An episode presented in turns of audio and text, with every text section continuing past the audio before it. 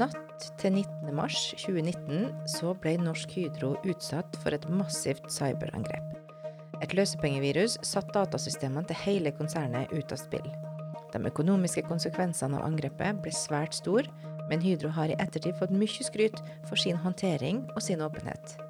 Hvordan håndterer man et slikt angrep, og hva gjør man for å unngå at det skal skje igjen?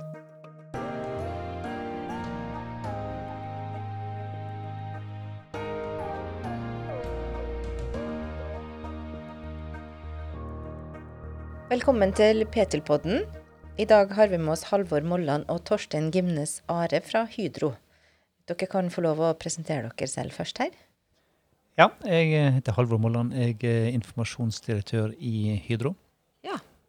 Og mitt navn Torstein Gimnes Are. Jeg er Chief Information Security Officer i Hydro. Ja.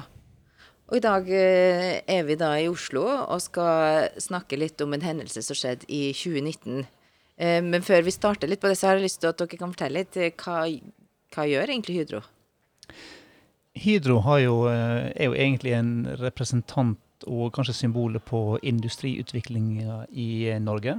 Vi ble danna i 1905, og det er sikkert noe de fleste har lest om i naturfagsbøkene. Det, der kom Kristian Christian Birkeland og Sam Eide møttes og eh, fant opp en lysbue som kunne trekke nitrogen fra lufta. Og eh, det var starten på gjødselproduksjon. Fra 1905 til i dag så har vi vært innom eh, både gjødsel og olje og gass og eh, fisk. Vi har vært innom eh, farma, eh, og vi har vært innom sjokolade. Eh, og i dag er jo vi et eh, aluminium- og eh, fornybart energiselskap som har aktiviteter i eh, 40 land verden over og har 32 000 eh, medarbeidere. Ja, altså et selskap med mange ansatte og mange aktiviteter. Eh, Og i dag skal vi snakke om hva som skjedde da dere ble utsatt for et massivt cyberangrep. Um, Og hvis vi går tilbake til 19. mars 2019, hva gjorde dere, og hva var de første grepene som dere måtte gjøre? Jeg var eh, Når jeg først fikk beskjeden om at vi var ramma av et eh, kraftig dataangrep, så eh, sov jeg. Eh, og, eh, men hadde, hadde en som var på vakt, eh, som ringte meg eh, og fortalte at vi var, var under et kraftig eh, dataangrep. Og jeg, eh, jeg har jobbet over 20 år i Hydro, men eh, hadde vært to uker i den stillingen som CISO, eller Chief Information Security Officer, da telefonen ringte klokken fire om natta for min del, med at nå er det eh, krise. Nå er IT-systemene våre har gått i stå. Eh, og da eh, tok vi, jeg og vi, det videre derfra med å mobilisere vårt kriseteam på Vekkerø og ta kontroll så langt vi kunne i situasjonen. Mm.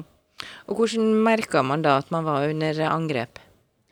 Det, det som beskjeden eh, jeg fikk da på, på natta, var jo at eh, datasystemene var, eh, var på vei ned. Eh, at de hadde tatt, tatt aksjon. Eh, at vi hadde blitt eh, ramma på de fleste plassene i, i Hydro. For det, vi så jo at Altså, vi hadde jo trent på dataangrep, som de fleste andre bedrifter. Vi hadde tanker rundt det, og vi hadde en strategi for hvordan vi skulle gjøre det. Som de fleste andre, du isolerer og prøver å, å begrense skaden, og så stenger, stenger du ned. Det vi så her, var jo at uh, dette ramma flere forretningsområder. Det ramma flere geografier, land og flere kontinent. Så da var det tydelig at det var et omfattende dataangrep. Flere, men ikke alle, da. Dette rammer, rammer for oss de aller, aller fleste. Sånn at vi, eh, sånn at vi Når vi da kom sånn, Vi har jo en, en beredskapsplan og en beredskapsgruppe. Så dette, dette var jo den sentrale beredskapsgruppa i Hydro som da mobiliserte i tillegg til alle forretningsområdegruppene. Så det var ganske kontant eh, mange som da var, kom inn i den beredskapsaktiviseringa. Eh, og når vi da kom til eh, Når jeg kom på Vekkerø, så var jo allerede lappene oppe, håndskrevne, og eh, om at vi var under dataangrep, ikke slå på eh, PC-en. Eh, og så hang det en, en printa De fleste har kanskje sett det bildet med en håndskreven lapp og en, en printa lapp på, eh, som var et bilde som ble brukt ganske mye. Og den håndskrevne lappen den er skrevet av en kollega av meg som var den som ringte meg òg. Han, han var på vakt og var først, en av de første inne og, skrev, hånd, og håndskrev lapper og sendte bilder av dem ut for å kunne igjen bli håndskrevne rundt omkring. Og så ser jeg jo den, den printerlappen, jeg vet jo at det er Securitas-vakten som skrev ut. For at eh, en av effektene var jo at alle våre printere var nede. Eh, sånn at vi eh, klarte ikke å printe noe som helst. Så det er bare en, en av veldig mange effekter vi opplevde eh, kom som en konsekvens av at vi ble angrepet og måtte stenge ned nettverket vårt. Men bare så enkelt som å få ut den beskjeden da, til absolutt alle, hvis man ikke skal bruke PC-en. Hvordan gjør man det, da? Da er, jo, er det en kombinasjon av det vi har planlagt og kreativitet. Eh, vi, altså vi har jo planlagt og trent på ting, men dette angrepet var jo både større og mer omfattende enn det vi hadde, hadde forberedt oss for. Så, det, så der måtte en jo da, eh, i tillegg til å bruke de normale listene, så var det jo eh, alt ifra fra eh, WhatsApp, eh, tekstmeldinger, eh, andre ting som, eh, som måtte ut. Vi hadde òg en, På det tidspunktet hadde vi en egen sånn nyhetsapp i, i Hydro. Eh, Som folk kunne laste på telefonene. Som var tiltenkt de som da ikke hadde tilgang på PC. Eh, og den hadde jo, på det tidspunktet dataangrepet inntraff, så hadde den ca. 4000 nedlastinger av potensielt eh, Da var vi 35 000 ansatte. Eh, ei uke etter angrepet, og vi kanaliserte jo veldig mye gjennom den appen, så hadde det, det 4000 blitt til 13 000 nedlastinger. Så det gjorde jo underverker for eh, den appen vår. Og det er jo mange da som kommer på jobb og ikke kan jobbe. Hva gjorde de da? Fikk de beskjed om å gå hjem igjen? Hva, altså? Ja, jeg kan jo si litt. Altså, hvilken konsekvens fikk angrepet på systemene våre? Eh, Og dette angrepet gikk på IT-plattformen vår, og vi har en felles IT-plattform som alle eh, forretningsområdene bruker. Og den første responsen når vi så at det var unormal aktivitet i systemene på natten, det var å slå av nettverkskoblinger og servere. Og da fungerer jo ikke Da får man ikke tilgang fra PC-er eller eh, andre veier inn. Eh, så da Det var jo startpunktet vårt. Eh, hvis du ser litt på altså Folk som kom på jobb, eh, måtte jo ta tak i de tingene de kunne jobbe med. Det var ikke mange som ble sendt hjem. Altså det å få i gang eh, manuelle rutiner eh, for å erstatte der systemene ikke var tilgjengelig, eh, det ble det jobbet mye med. Hvis du ser litt lenger inn i perioden, altså de første ukene så måtte IT-organisasjonen jobbe for å gjenopprette en trygg infrastruktur. Og det er en, en stor jobb. eh, Og det tok flere uker før man hadde designet og skrudd på igjen en trygg kjerne eh, av systemer. Og så kan man begynne å legge til servere og PC-er og systemer da, til den trygge eh, kjernen. Og det tok da ytterligere eh, måneder før man kom eh, igjennom. Men tilbake til den umiddelbare situasjonen. Da var det slik at organisasjonen var uten tilgang på IT-systemer eh, i de første ukene. Hvis jeg sier litt mer om hvordan dette ser ut fra fabrikksperspektivet, så er det slik at de styringssystemene på fabrikkene de er ikke koblet til denne felles IT-plattformen.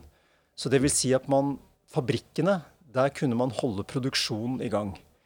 Men selvfølgelig, de IT-støttesystemene som man bruker for å produsere, altså for å planlegge logistikk, for å planlegge hvilke produkter som skal lages i neste batch, altså den type systemer var ikke tilgjengelig for fabrikkene i den situasjonen. Og det, for å legge til, altså det gjorde jo at eh, eh, vi eh, Sånn som eh, kraftverksproduksjonen vår, det de gikk, det var de som ble minst berørt. Både fordi at de har sterke, robuste systemer, men de, har, de produserer, produserer kraft og går videre. I den andre enden av skalaen så var det jo den produktdivisjonen vår som, som lag, har 30 000 kunder og produserer mange ulike produkter hver dag. De eh, kunne jo da um, gå over til manuell produksjon. altså I stedet for å hente, um, hente kundedata og produksjonsdata fra, fra servere, så måtte de da punche det manuelt. De gikk jo eh, raskt tom for ordrer. De kunne produsere, men jeg visste ikke hva de skulle produsere. For alt er jo skreddersøm, så jeg kan ikke bare produsere for, for lager. Så det, gjorde jo at eh, den divisjonen med, med, forretningsrådet med, med 23 000 ansatte over natta gikk ned til halv produksjon. Eh, Og det tok jo lang tid for det å bygge seg, bygge seg opp igjen. Og det, og det er jo den, en av historiene vi fortalte underveis her, var jo, var jo et eh, anlegg eh, i, i Lichter, Lichterveldet, der han salgssjefen der, han trodde ikke helt på IT-systemene. Han var ikke så glad i, i data. Så han hver mandag så printa han ut alle ordrene og, og putta en perm bak seg. Så han ble jo helten den, på den fabrikken, for de produserte jo ufortrødent videre. For han, dette skjedde jo natt til tirsdag, så han, eh, han hadde jo eh, alle kundedataene printa ut, og de kunne produsere videre som, som vanlig. Mens, mens på andre fabrikker så, så lette de tømte jo alt av søppelbøtter og eh, containere og for, i jakt etter noen som hadde printa og kasta noe, sånn at de kunne produsere videre. Sånn at det var, en- så det var en litt um, disse her, den, Dette forretningsrådet har, eh, har, har eh, langt over 100 anlegg, og, og mange av de eh, gikk Noen stengte helt, og andre produserte for, for halv maskin. Eh, i, den, I den første fasen så bygde vi jo sak, sakte oppover. Mm. Og det her var jo en såkalt sånn løsepengevirus, er det det heter? Eh, og hvor kjapt var, fikk dere beskjed om at eh, her må dere betale for at vi skal Det, det var umiddelbart. det var jo, eh, Måten vi, vi så det på, var jo at det kom en sånn pop-up på skjermen. Altså, de første PC-ene begynte å opptre litt unormalt. De låste seg. Og så kom det en melding på skjermen som, som kanskje òg mange har, har sett. Men den, der står det at eh, vi har ut, funnet en feil i det systemet, og du skal være takknemlig for at det er ansvarlige aktører som har eh, nå har funnet ut av den feilen, låst systemene, og vi kan eh, ta kontakt, så skal vi hjelpe dere med å åpne det opp igjen. Ja. Og det gjorde dere? Vi, eh, når vi da kom inn på morgenen i den beredskapsgruppa, så var det to beslutninger som, som ble tatt, som jeg kall, ofte kaller ikke-beslutninger. Det, det, det ble ikke noen diskusjon rundt det. det vi gikk bare inn og, og sa at sånn blir det. Det ene var jo at vi, vi går til våre backup-løsninger for å eh, innhente dataene. Og det er mange grunner for, for å ta en sånn beslutning. Og det andre var jo at vi skulle kommunisere om at vi var ramma av et stort eh, angrep. Og da, da var vi jo eh, ute med en eh, børsmelding eh, like over halv ni samme morgen. Så den begynte vi å skrive og forfatte på umiddelbart. Det var jo lite vi visste. Altså, vi hadde på ingen måte noe oversikt over situasjonen annet enn at vi var ramma, så vi visste jo ikke hva vi var ramma av. Og det viste jo etterkant at det, det mm, løsepenge... Eller det viruset som var brukt, det var jo, det var jo ikke et kjent eh, virus. sånn at eh, de eh, antivirusselskapene som vi brukte, vi har to selskap, de jobba jo begge de første døgnene med å finne en signatur og klare å opprette en antivirus, sånn at vi kunne da begynne å skanne maskiner. Hvor eh, kjapt har man eh, si, IT-spesialister, eller folk som kan noe om det her, på banen for å liksom starte Hvordan vet man hvor man skal begynne hen? Det, det, det, altså, vår IT, dette kan jo Torstein alt om, men vi har jo døgnovervåkning. Sånn at, eh, og der har vi en god De følger jo med hele veien. Ja, så dette arbeidet starta umiddelbart, basert på folk på vakt allerede den natten. Og så at vi mobiliserte selvfølgelig mer ressurser. Og da var det som jeg var inne på i sted, at eh, i første fase, eh, når vi erkjente at vi har blitt infisert, vi kan ikke stole på våre eksisterende IT-systemer, da begynte jobben med å se på hvordan vi kunne designe en trygg kjerne, som vi kaller det, eh, som vi kan gjenopprette løsningene våre på. Og da henter vi inn eh, spesialister. Altså Vi har våre egne, selvfølgelig, men vi jobber da med våre partnere, altså de leverandørene vi jobber med til vanlig, og også noen spesialister på forskjellige områder. Spesialister det gikk f.eks. på dette med å gjøre etterforskning eller forensic, altså det å lete etter spor i logger for å kunne forstå hvordan angriperen har vært inne i systemene i forkant. Det er en type spesialistoppgave. Mens eh, andre oppgaver som går mer på dette å designe, altså lage en arkitektur og begynne å bygge denne trygge kjernen, det er mer de leverandørene vi, vi allerede jobber med på IT-siden. Ja. Um, Du var jo relativt ny i stillingen, men, men du har vært i konsernet i mange år. Det, eh, hva gjør det egentlig å kjenne organisasjonen så godt når man går inn i en ganske sånn stor krise, vil jeg kalle det? da? Det, det, er en veldig trygghet og plattform å ha med seg. Fordi jeg er jo kjent med, med kriserutinene i selskapet. Eh, jeg har jobbet i mange år med sikkerhet også. Eh, så det var ikke et nytt fagområde for meg som sådan. Men det å ha nettverk Altså man kjenner virksomheten. Eh, altså det, produksjonen vår, hva som er kritisk og hva som er mindre kritisk. Kjenner organisasjonen, har relasjonene på plass. Alle disse tingene hjelper i en, i en krise. For å jobbe mer effektivt. ja. Har dere vært med på noe sånn før? Sånn angst, cyber, cyber attacks? Ja, altså, vi, vi, har jo, uh, i likhet med andre store selskaper, jevnlige forsøk. Uh, og, men ikke, ikke, på ingen måte i den dimensjonen som, som vi opplever nå.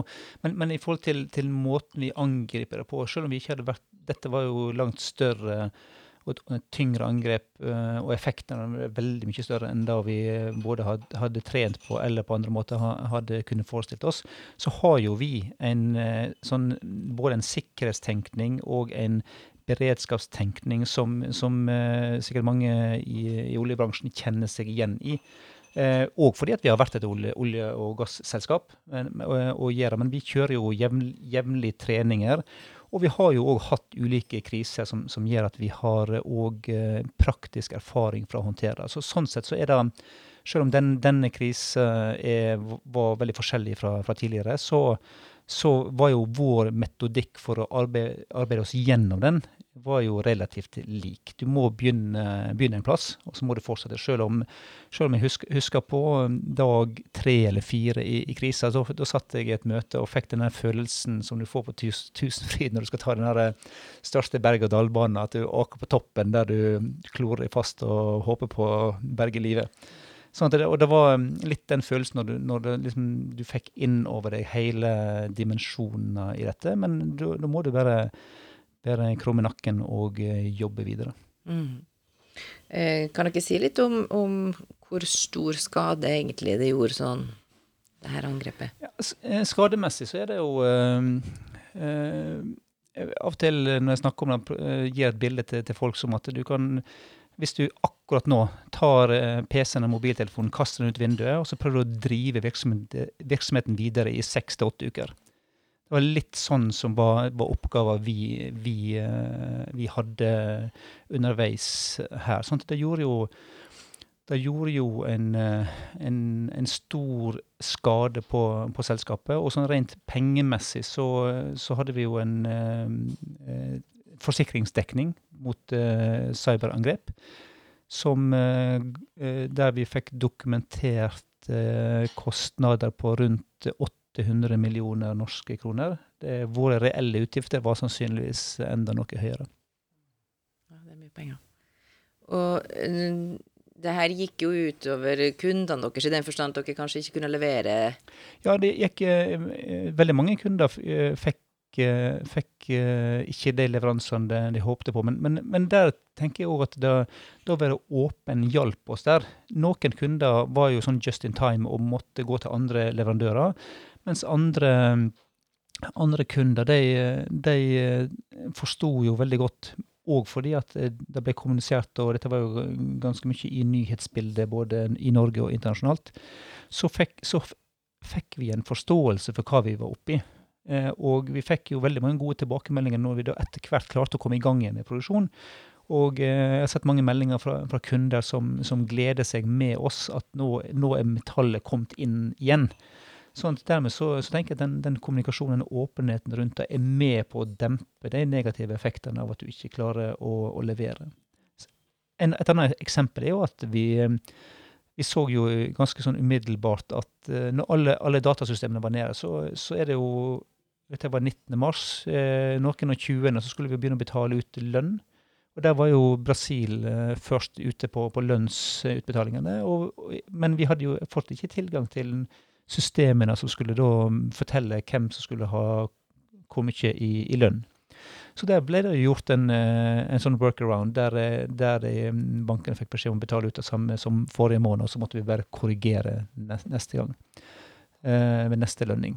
Sånn at, og det var en del av de mange manuelle operasjonene som vi måtte ta, gjøre underveis. Sånn, sånn at alt av datasystemer som vi, vi ikke Altså, dette traff jo ikke eh, den såkalte OT-teknologien, det, det, som drifter maskineriet sant? Eh, og eh, systemene og produksjonsmaskiner på, på verket. Men, men, men, alt som du får tilgang til gjennom å logge det på PC-en, var borte.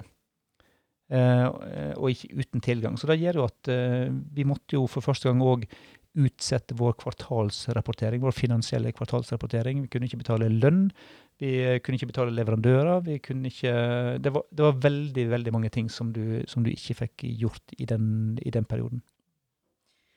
Litt tilbake til det der med åpenhet. Dere har jo fått mye skryt eh, for å ha vært så åpen fra egentlig det starta. Hva slags tanker har dere gjort? Var det en strategi dere hadde fra før? Ble det bare sånn? Hva, hva er plussene og minusene med det? Vi eh, har jo som, som, selskap alltid eh, forsøkt å være åpne. Åpen. Så det, det, det, er jo en kultur vil jeg si, i, i Hydro om å være åpen. Eh, hvis du ikke har noe eh, å skjule, så, så, kan du gjerne være, være åpen. Og så er ikke det alt vi kan si av konkurransehensyn og andre ting, men, men åpenhet er en, ligger i Hydros kultur. Sånn at eh, eh, Vi ser andre selskaper nå i etterkant som, som har eh, blitt ramma av datagrep og forsøkt samme strategi. Eh, og da fungerer jo mer eller mindre eh, litt avhengig av om det er ektefølt, eller om det er en del av en strategi du blir fortalt det er lurt å være åpen.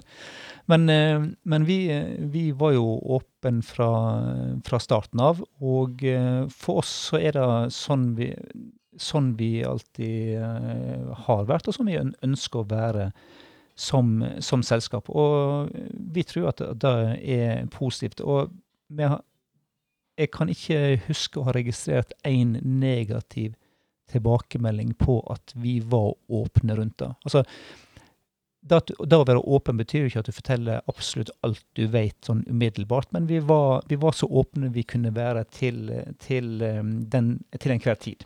For vi visste jo, som, som Torstein òg uh, forteller, at uh, mens vi holdt på med, med, å finne ut av hva som hadde skjedd, og hvordan vi skulle komme oss tilbake igjen, så var angriperne fortsatt i vårt system. Og de leser jo òg aviser og følger med på media. Eh, sånn at det var, det var, noen hensyn vi måtte ta der i forhold til, til hva informasjon vi ga ut på hva tidspunkt. Men, men eh, da å, å, være åpen er, er noe som vi, vi, ville gjort eh, om igjen. Og vi har jo fått flere sånne kommunikasjonspriser rundt det, både i Norge og i, i Europa. Eh, og jeg, tenk, jeg ser òg at eh, når jeg snakker om det med, med andre, så er det, det er i Norge så eh, forventer jo de fleste at Hydro er, som stort selskap er åpne. men sånn at eh, Oppmerksomheten rundt åpenheten den blir nok større jo lenger vekk fra Norge du, du kommer, der dette på ingen måte er, er, vanlig. Eller var vanlig på det tidspunktet der. Ja, for det jeg tenkte du skulle høre, Var det noen av de andre eh, internasjonale lokasjonene som var litt sånn Nei, ikke, ikke Hydro, men, men hadde jo, vi hadde jo akkurat når angrepet skjedde, så, så eh, jeg tror det var deg, Torstein, jeg hadde en dialog med kanskje Vi skulle opprette noe kontakt med noen andre selskaper som vi visste mer eller mindre var ramma av tilsvarende angrep. Så jeg tok kontakt via da, kommunikasjonssjefen i det, i da selskapet. Eh, og når jeg eh, sa da at jeg forstår at jeg har vært eh, det under et dataangrep, så ble jeg bare først stille, og så sa han Og vi, vi bruker ikke det ordet.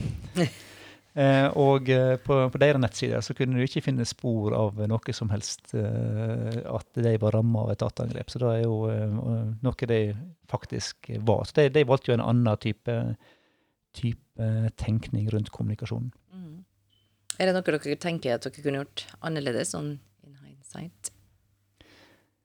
Det er sikkert mange ting vi kunne ha gjort uh, annerledes. Uh, jeg tenker at i um, i forberedelsene og tenkning, så er det Vi var jo eh, vi var jo nok forberedt som et gjennomsnittlig energi- og industriselskap på å bli, bli angrepet. Eh, nå har vi jo forhåpentligvis lært noe etter dette, og at vi, vi da kan kanskje være enda mer forberedt. Et, et eksempel på Litt flaks har en underveis òg. Eh, en av de serverne som ble kryptert, inneholdt eh, våre nettsider.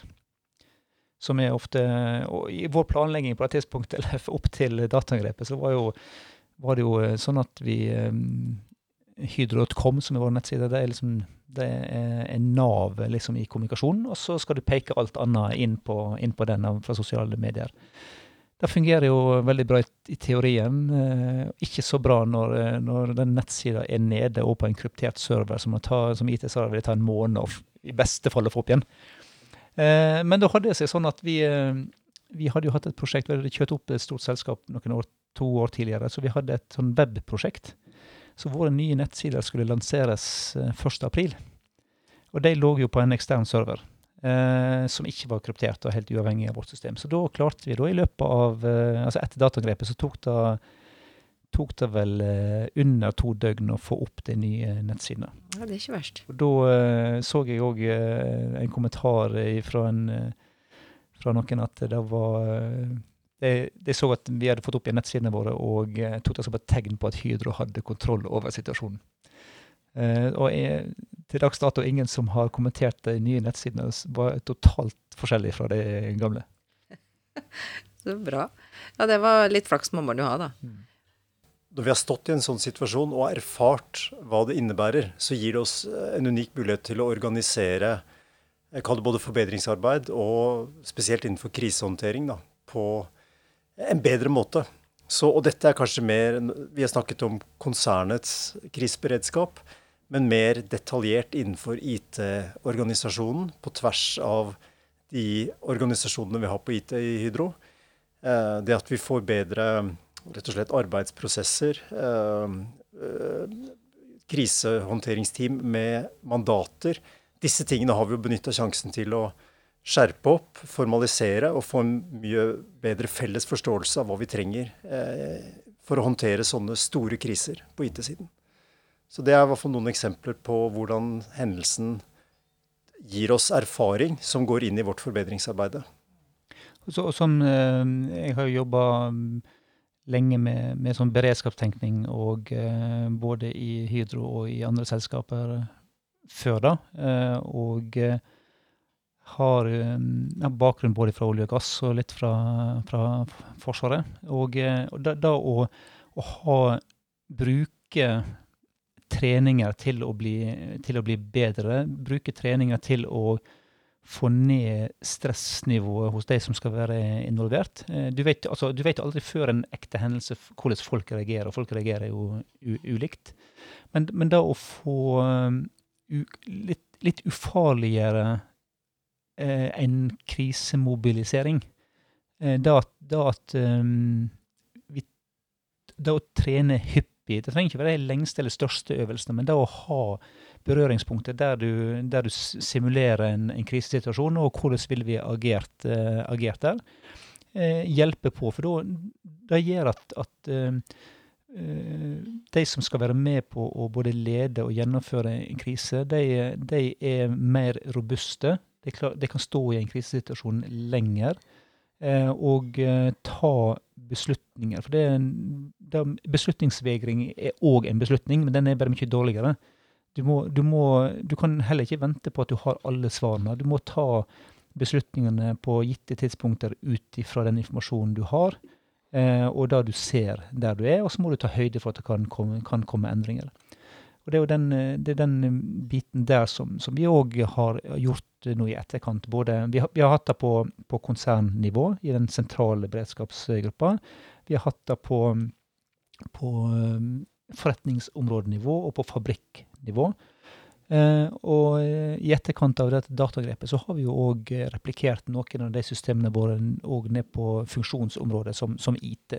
Som da har nå en, et systemoppsett som ligner veldig på det sentrale beredskapsteamet, som gjør at vi i i uh, hendelser som går inn mot IT, har, har en veldig, um, veldig robust og, og, godt trent organisasjon. Og de, dere har ikke merka at eh, de ansatte er liksom mer nervøse for å åpne mail? Altså, blir det en slags redsel ut av det her blant de som jobber? Vi, I dag vet vi jo akkurat hvordan oppbyggingen av dette angrepet skjedde. Og da, da begynte jo riktig med en, med en, en mail. Um, men da er jo første førstelinje. Så vi, vi, vi, trener jo mye på, på det med førstelinjeforsvar og, og at ansatte blir, blir, bevisste. Men samtidig så skal ikke ansatte være redd for å, å åpne mail. Eh, og i det tilfellet her så var det jo en mail mellom to personer som kjente hverandre, eh, og eh, en eh, mulig infeksjon av et system utenfor oss, som gjorde at, at vi, vi, fikk en inntrenger inn, innenfor våre, våre, murer. Men hadde det ikke vært den plassen, så er det jo, det er jo titusener andre med, med PC i, i Hydro, og du må koble deg til omverdenen. Du, kan ikke, du kan ikke la være å, å, agere. Men du skal være bevisst, og så må vi jo jobbe videre med vår vår robusthet for å møte, møte mulige angrep. Jeg vil heller kanskje ikke si redsel, men den oppmerksomheten og forståelsen når man har følt det på kroppen. Så det at eh, jeg oppfatter de ansatte til å være bevisste, og de spør uh, mer enn de gjorde før, og, rådfører seg. Og så har jo vi også um, kommunisert mye rundt hva tar vi i vare på gjennom sikre systemer, altså fra teknologisiden, hvordan beskytter vi oss. Men så er det den delen som ligger igjen hos den enkelte ansatte, som går mer på oppmerksomhet, forstå risikoen, og forstå spesielt rundt phishing, eh, sosial manipulering og de eh, teknikkene som brukes for å bryte seg gjennom den første linja og komme inn i organisasjoner. Eh, og der har vi investert selvfølgelig mye i å fortsette å kommunisere rundt det og, og gjøre opplæring regelmessig og komme tilbake til dette temaet. Også ikke bare gjennom opplæringen, men, men, å følge med på det som skjer i samfunnet rundt oss, og, og, bruke de kanalene vi har for å kommentere på pågående ting. Nå er det diskusjoner rundt bruk av TikTok, det er diskusjoner rundt chat, GPT, denne type tjenester. Og da passer vi på å fra sikkerhetssiden også kommunisere eh, rundt, hjelpe våre ansatte til å ta gode og egne beslutninger da, i møte med, med disse teknologiene. Jeg tenker Med så mange ansatte så er det jo ganske mange veier inn. og det er jo liksom hvis noen virkelig vil inn, så kommer de seg vel inn. Ja da, og, da jeg var, eh, jeg var i, eh, holdt en presentasjon eh, der det òg var en fra, fra Forsvaret som, som, var og presenterte, som sa det på en fin måte. Altså det, hvis, selv om du ikke er tilkobla internett, så kan du fortsatt bli ramma av et dataangrep. Da tar bare et par steg til, så er du innenfor. Så, sånn at det er, det, det, er et bilde som du kan sette på Du kan bygge rundt huset ditt så mange murer og alarmsystemer du bare vil. Hvis noen har bestemt seg for å komme seg inn, så er det jo bare et spørsmål om, om tid. Men de kommer seg ikke inn i de industrielle systemene, da? Eh, for jeg har forstått det sånn at de er atskilt fra de vanlige kontorsystemene? Hvis jeg skal si litt om dette skillet mellom vår felles IT-plattform og fabrikkene, så er det en, en, en reise denne segregeringen som vi begynte lenge før eh, angrepet. Og dette følger av f.eks. vannkraftverkene våre, som er underlagt beredskapsforskriften i Norge, som setter helt konkrete krav til hvordan slike systemer må, må separeres fra IT. Eh, men hvor vi rundt våre kritiske operasjoner har samme, lagt til grunn samme strategi og sikring. Men uh, i et selskap så har man en lang historie rundt IT og produksjonssystemer. Og, og, det er ikke gjort Det er ikke enkle og raske grep. Så disse prosjektene, for å fortsette å styrke segregeringen, uh, skille fabrikken fra IT-plattformen, de, de, de, fortsetter å gå også etter angrepet. Ja. Um, vet dere noe om hvem som sto bak? Eh, ja, det vet vi i dag. Iallfall noe mer enn vi gjorde før. Eh, og da, da, Det en annen sak vi, vi, gjorde den første dagen, var jo å um, anmelde dataangrepet til politiet. Eh, det gjorde jo, vi jo eh, på en måte som eh, Kripos har vel sagt det første gangen. Det fikk den via SMS. Vi hadde jo heller ingen gode systemer for, for å anmelde dette på, på nett, som det, det, ellers ville gjort. Eh, men vi anmeldte og hadde eh, samarbeidet godt med politiet. Og vi samarbeidet godt med NSM, som òg var en annen faginstans eh, som, som vi, vi samarbeider med for å få, få innspill. Men, men, den politianmeldelsen gjorde vi. Eh, sånn, med, ikke med veldig stort håp om at den skulle gi resultater, men fordi det var det riktige å gjøre å anmelde til, til, politiet. Men politiet og Kripos etter hvert har jo jobba eh, godt og intenst med vår sak. Det, det, fikk jo tilgang til våre systemer. Det, fikk, det kom jo inn tidlig og fikk, fikk, eh, fikk informasjon fra, fra, oss. Og de sa jo um, først uh, et halvt, tre kvart år seinere at, at uh, informasjonen jeg fikk fra oss, hadde gjort dem i stand til å kunne uh, advare andre selskaper om angrep som var under utvikling. I 2021 så, så gikk jo Kripos sammen med andre tilsvarende instanser i Europa, med Europol og Eurojust, til uh, aksjon i um, Ukraina og jeg tror òg i Sveits, uh, og gjorde beslag der, og gjorde arrestasjoner. Da, da mente de at de hadde klart å finne en kobling til, til, vårt, til angrepet mot Hydro. Og i, nå i 2022 så hadde vi et møte på Vekkerød der både Torstein og jeg var, var til stede sammen med, med, Kripos. Der fikk vi uh, overrakt uh, en de dekrypteringsnøkkel. Som vi testa på noen av de filene våre fra 2019, og den nøkkelen virka. Uh, så da viser jo da at, at Kripos Altså den anmeldelsen har gitt resultater. Sånn at Kripos Eh, gjennom det samarbeidet i, i, Europa, har da lykkes med å finne tilbake til eh, personer eh, og eller utstyr som var brukt i angrepet mot, mot Hydro. For de fant iallfall den, den dekrypteringsnøkkelen. Ja, så hvordan samarbeider dere med politiet, da? Og hvilke råd fikk dere gjennom etterforskninga? I forhold til, i forhold til politiet, så, så, var det jo um, mer enn an, Når vi da anmeldte det og Eh, fikk det tilgang, så, så var det nok eh, For korrigere meg hvis jeg tar feil, Torstein, men eh, min opplevelse der var nok at det var mer enveis fra Hydro til politiet. De tok informasjonen, og de, og de etterforska videre. Og vi hadde jo ikke noe innsikt i den, den etterforskninga som, som politi, politiet gjorde. Men, men, med NSM, som er jo den faginstansen på, på data datahacking og datakriminalitet, så, så, var det jo et, eh, et, langt større samarbeid underveis der vi fikk gode råd. Og de bruker jo òg vår informasjon til å advare andre. Torstein? Ja. Ja, Det stemmer jo. så jeg, jeg, Dette samarbeidet med politiet jeg tenker på det var på et strategisk nivå, som var på ledelsesnivå. Men på det tekniske og taktiske så var det jo, som vi snakker om, vi måtte overlevere logger, altså tekniske logger fra systemene våre som de brukte.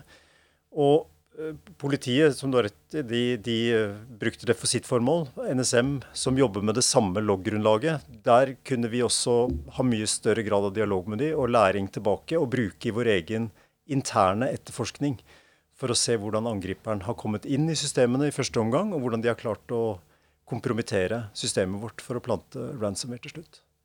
Hvordan forholdt dere dere til kravet om løsepenger? da? Var, det, var dere frista til å betale? De som eh, gjennomførte angrepet, de, de oppfordrer jo til eh, å betale gjennom å kontakte dem. Og eh, det som det sto der, at jo lengre vi venter, jo dyrere blir det. Vi valgte jo fra, fra tidlig fase å gå rett på våre backup-systemer. Så vi, vi, var ikke i en forhandlingssituasjon med, med dem. Og da, det er mange grunner til at, til at vi ikke ønsket å betale. Uh, og altså, den første, den første beslutninga ble jo tatt uh, umiddelbart.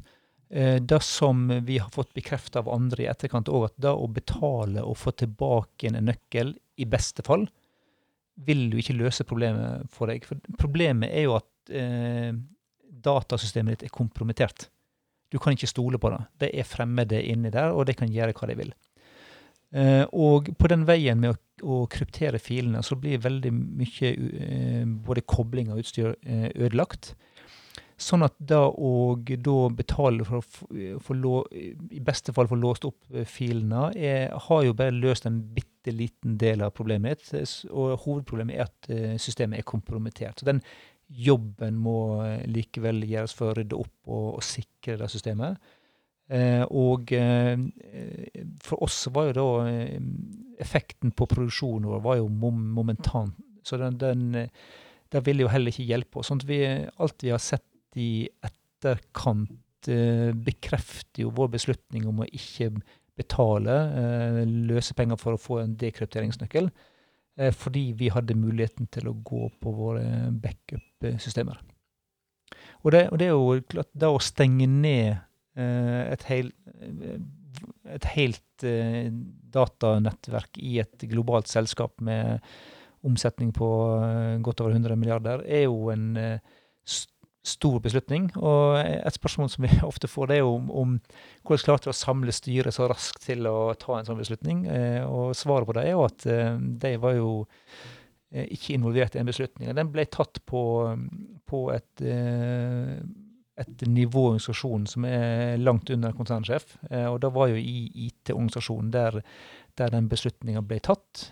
Og han som tok den beslutninga, han eh, På vår eh, årlige sånn ledelsessamling eh, samme året, så fikk jo han konsernsjefens ærespris for å ha tatt en, en vanskelig beslutning på det, det riktige tidspunktet. Eh, han, eh, så han fikk, eh, han fikk heder og ære fra konsernsjefen for, å ha tatt, tatt, den beslutningen der. For det er jo, det er jo litt som, som, i 1940 ute i Oslofjorden. Da å ha mandat til å trykke på knappen til å senke skipet, det er én ting. Men å faktisk trykke på knappen når, når, situasjonen oppstår, og i dette tilfellet ta ned nettverket, det kreves mot. Og da, da hadde denne personen. Var det noen gang fare for sikkerheten til de ansatte pga. at dere måtte stenge alt så fort? Dette, det er jo en, det som vi frykter mest, det er jo at det skal gå, gå liv tapt. Og at det skal være en fare både for helse og miljø og utstyr i, i den rekkefølgen.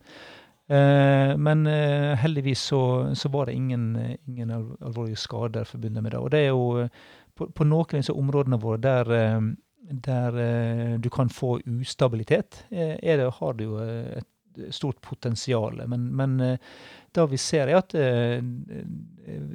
dette er jo noen ting som fabrikkene er mer trent til. Det er å håndtere både strømutfall og andre typer utfall. Sånn at, og, og, der var det òg at, at dette var jo IT-delen som ble ramma, ikke OT-delen. Så det gjorde at selv om ble, ble påvirka, så klarte de å håndtere det. Ehm, en, en, læring òg, eh, i tillegg til IT-systemene, er at vi, vi ser jo på på en, del av utstyret, så har nok den um, effektiviseringen gått litt langt, og en del, del knapper er blitt fjerna for mye. Sånn at vi, sånn da å ta tilbake noen sånne manuelle styringssystemer på maskiner, da er litt av, litt av læringa etter den hendelsen interessant. Gå litt tilbake, rett og slett, til det gode gamle. Ja, altså, IT er kommet for å bli, men, men eh, vi må, at vi har den muligheten til å kunne òg styre manuelt.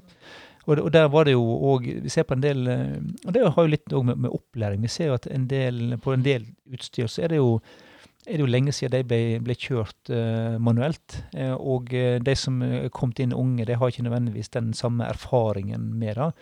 Så, men der var det jo var det jo sånn at eh, det kom jo eh, Da nyhetene ble kjent, så kom det jo eh, folk som var både pensjonert og uh, slutta i selskapet. De sto jo på døra og tilbød sin assistanse til å hjelpe dem til til å kjøre videre med den kompetansen de, de hadde. Uh, og så er det jo da blitt uh, i enkelte sammenhenger overskrifter som at vi ble redda av pensjonistene. Så det, det vil ikke dra det så langt, men, men, men, men da å ha både den kunnskap den fagkunnskapen om, om maskiner, det å kjøre manuelt og det, det å kjøre fra et IT-system, det å ha, ha begge mulighetene, er, viste seg å være veldig nyttig. Før vi runder av, nå er jo Hydro et stort konsern, og dere har mange flere å spille på. Men jeg tenker hvis det her skjer med mindre selskaper som ikke har vært borti det før, ikke har, den, har dere noe råd til de? Fra, fra min side så Eh, er jo da at de må eh, søke hjelp tidlig. Altså, vi har, vi har jo i Hydro en stor fordel av at vi trener regelmessig ved et stort konsern. Så det å, det å trene regelmessig, det kan òg mindre, mindre selskaper gjøre. Det å tenke igjennom en sånn situasjon. Hva har du backup-systemet som faktisk virker? Eh, hva ville du gjort i en tilfelle der, der, alt av data er, er borte. Eh, har det fysisk eh, adskilt? Eh, har du eh, det du normalt har på PC-en, har du et minimum tilgjengelig på papir, eh, oppdatert sånn at du kan klare deg uten. Den type ting kan alle gjøre uavhengig av størrelse på, på selskap. Og så er det da å kunne søke hjelp av, eh, av andre i, hvis en situasjon oppstår. Og hvis du ser mer på IT-løsningene, så er det også noen gode forberedelser. Altså dette med backup har vi snakket om. Så det å gå gjennom backup-design og sikre at data man tar vare på, er virkelig koblet fra de eh, ordinære IT-systemene, sånn at man kan få tak i dataen igjen hvis plattformen blir kryptert og ødelagt. Eh, og så er det jo selvfølgelig et teknologispørsmål òg. At man har avanserte nok sikkerhetsteknologier i IT-infrastrukturen for å kunne detektere når en angriper er i ferd med å kompromittere systemer. Ja, Så om vi skal se litt overordna på denne hendelsen, hva har Hydro lært eh, som organisasjon? Uh, ja, de viktigste læringene, det vi snakket om tidligere, altså dette å beskytte våre kritiske fabrikker, og det å ha denne segregeringen mellom IT-plattform og, og fabrikkene, det er noe vi gjorde før, men, men har fått bekrefta den kalde strategien og arkitekturen. Og også fortsatt uh, å, å, segregere den type systemer. Uh, så er det også dette vi har snakket om med å øve jevnlig. Det er veldig viktig for å holde, holde det varmt. Og så vil jeg fremheve dette med å kommunisere med de ansatte rundt risikoen, rundt truslene. Eh, og, og, ta de ansatte med i hva det betyr i forhold til deres arbeidshverdag. Og holde det varmt, for det, fra dag til dag så kommer det nye sikkerhetstrusler eh, eller nye teknikker, metoder, som, som eh, vi må gjøre brukerne eller våre ansatte i stand til å håndtere på en trygg måte. Og I forlengelsen da, så tenker jeg òg det med, med, åpenhet rundt uh, hendelser. At det ikke skal bli en sånn cyberskam. Fordi at da å bli angrepet handler ikke nødvendigvis om uh, hvor gode eller hvor dårlige IT-systemene dine er, men at, at, du er tilfeldig eller målretta blitt et offer for et angrep. Da å dele den informasjonen med, med andre, dele med myndigheter, dele med, med, med politi, Eh, er jo den måten som bedrifter kan prøve å stå imot en eh, relativt lukrativ eh, bransje. Som jobber med ofte veldig sånn profittmotivert. Og i det tidspunktet vi ble angrepet på, så, så var det jo ikke snakk om, om så mye datalekkasje. Men vi var jo veldig tydelige på at vi det å betale løsepenger ikke tjente oss. Og vi Eh, var jo ganske eh, åpne med, an, eh, med andre og sa at vi anbefalte å ikke betale løsepenger. Og vi så jo seks, sju, åtte måneder senere, så, så var jo strategien òg delvis endra. At eh, de som før de krypterte dataene, så stjal de data, som de da lekka ut for å legge ekstra press på selskapene. Men det viser, seg, det viser jo at, at det å prøve å stå imot og ikke betale, det er, er jo en måte selskaper kan bremse utviklinga på. Kjempespennende. Tusen hjertelig takk for at dere kom, begge to. Takk for at vi fikk komme. Takk, takk. Mm. Vil du høre flere av våre podkaster, så søk oss gjerne opp på Spotify eller på petil.no. Takk for nå.